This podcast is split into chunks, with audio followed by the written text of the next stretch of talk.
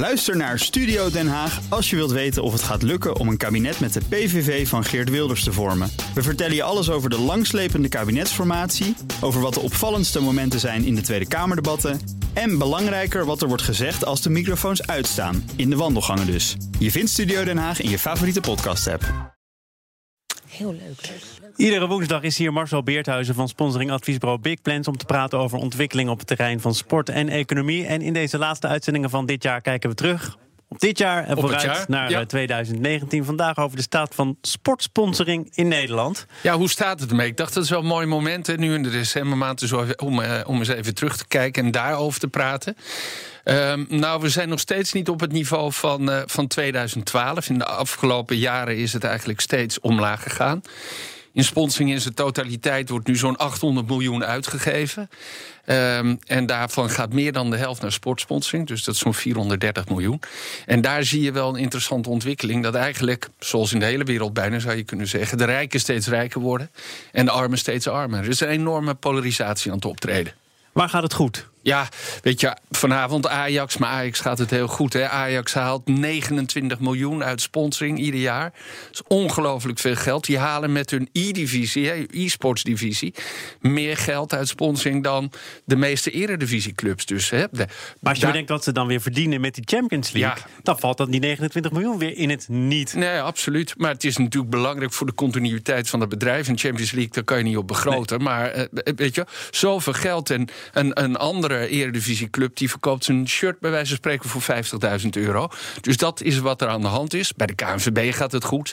Ook onder invloed van de goede resultaten. Maar die zijn toch in staat om, eh, om heel veel grote merken aan zich te binden. Nou, en dan zie je dat bij individuele bonden, zoals de, eh, de volleybalbond, die wel een heel gedegen beleid hebben, dat je die ook stapjes ziet maken.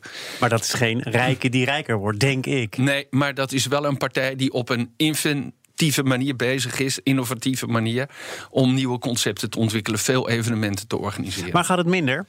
ja, nou, we kijken nu met z'n allen naar handbal. eh, gisteren en vanavond misschien, maar ja, dat is Maar op het hetzelfde op de resultaten ook net wat minder gisteren. Op hetzelfde tijdstip. En daar zie je dan dat die een leeg shirt hebben. En ehm, nou, een leeg shirt, dat shirt staat vol met allemaal kleine namen van kleine bedrijven. En die kunnen dan geen eens een hoofdsponsor vinden. Hè? De dames van het handbal die het ongelooflijk goed doen. Er is op het allerlaatste eh, moment de Nederlandse loterij ingestapt. Voor enkele tienduizenden euro's. En je ziet eigenlijk dat bij heel veel Olympische bonden. dat het daar helemaal niet goed gaat. Dat ze niet in staat zijn om partijen aan zich te binden. Dan is er een eh, overkoepelende sportkoepel, NRC-NSF, met een eigen sponsorprogramma. Ja. Dat zou dan uitkomst kunnen bieden. Ja, daar gaat het ook nog steeds niet goed. En, en dat duurt heel erg lang. En je ziet eigenlijk zelfs nog erger dat na eh, de laatste winterspelen er ook partijen zijn afgehaakt, zoals KPN. Ik was eh, twee weken geleden op de algemene ledenvergadering van NOC-NSF. En die zeggen daar dan dat ze 10 miljoen in cash uit sponsoring halen en 5 miljoen in, in kind, in natura-sponsoring. Maar ik ben nog heel benieuwd waar die 10 miljoen vandaan komt. Want naast eh, dezelfde Nederlandse loterij en de Rabobank en Heineken, die heel veel in Natura betaalt, hebben ze eigenlijk helemaal geen partij. En je ziet dat die het ontzettend moeilijk hebben. En ze hebben een concept bedacht eh, als Team NL, maar het lukt ze maar niet om eh, mensen daaraan te binden. Dat is gek, want de resultaten zijn volgens mij prima.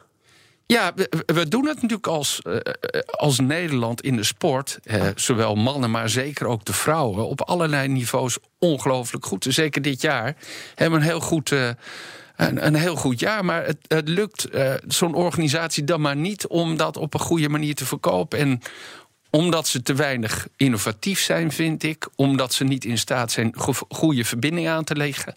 Omdat ze, en dat was de reden dat KPN terugstapte bijvoorbeeld. Omdat hij zei, ja, we kunnen eigenlijk te weinig eh, met jullie propositie... om goed te activeren, om goed hè, onze doelstellingen... zowel eh, op commercieel niveau als op merkniveau eh, te realiseren. Maar wat vind Dus- jij een goede verbinding? Want dat kan je ook nog als vaag betitelen. Wanneer is een verbinding wel goed? Nou, als het heel passend is, als het relevant is... en als je in staat bent om de doelstellingen die je als bedrijf hebt... om die, eh, om die eh, vooruit te brengen. En dat kan soms zijn omdat je zegt KPN... kijk, wij zijn hier eh, om contact tussen mensen te onderhouden. En zo'n zo'n sponsor die gelooft dan veel meer in wat ze in de schaatsport kunnen doen... die dichter, veel dichterbij op mensen zit en ook continu... Hè, nou, niet het hele jaar, maar in ieder geval in de wintermaanden actief is... ehm, dan, dan zo'n ja, wat ongrijpbaardere propositie als die van NOC-NSF. Iets creatiever mag wel. Iets creatiever mag. En je moet natuurlijk je cijfers heel goed gebruiken. Je moet weten welke mensen je kunt bereiken. Je moet we- eh, weten welke mensen in je database zitten. Eh, en samenwerking zal wel heel belangrijk zijn. Ook voor die kleine partijen, die Olympische bonden. Ga gewoon bij elkaar zitten en maak samen één grote, grote propositie. Dan heb je veel meer kans om eh, geld uit de markt te halen. Volgend, volgende week doen we misschien wel de laatste van het jaar. Ja, Heb je er zin in? ja zeker. We gaan eens terugkijken op al die dingen die ik genoemd heb. Of die ook inderdaad wel allemaal klopten, Oeh, Thomas. spannend. Tot volgende week. Tot dan.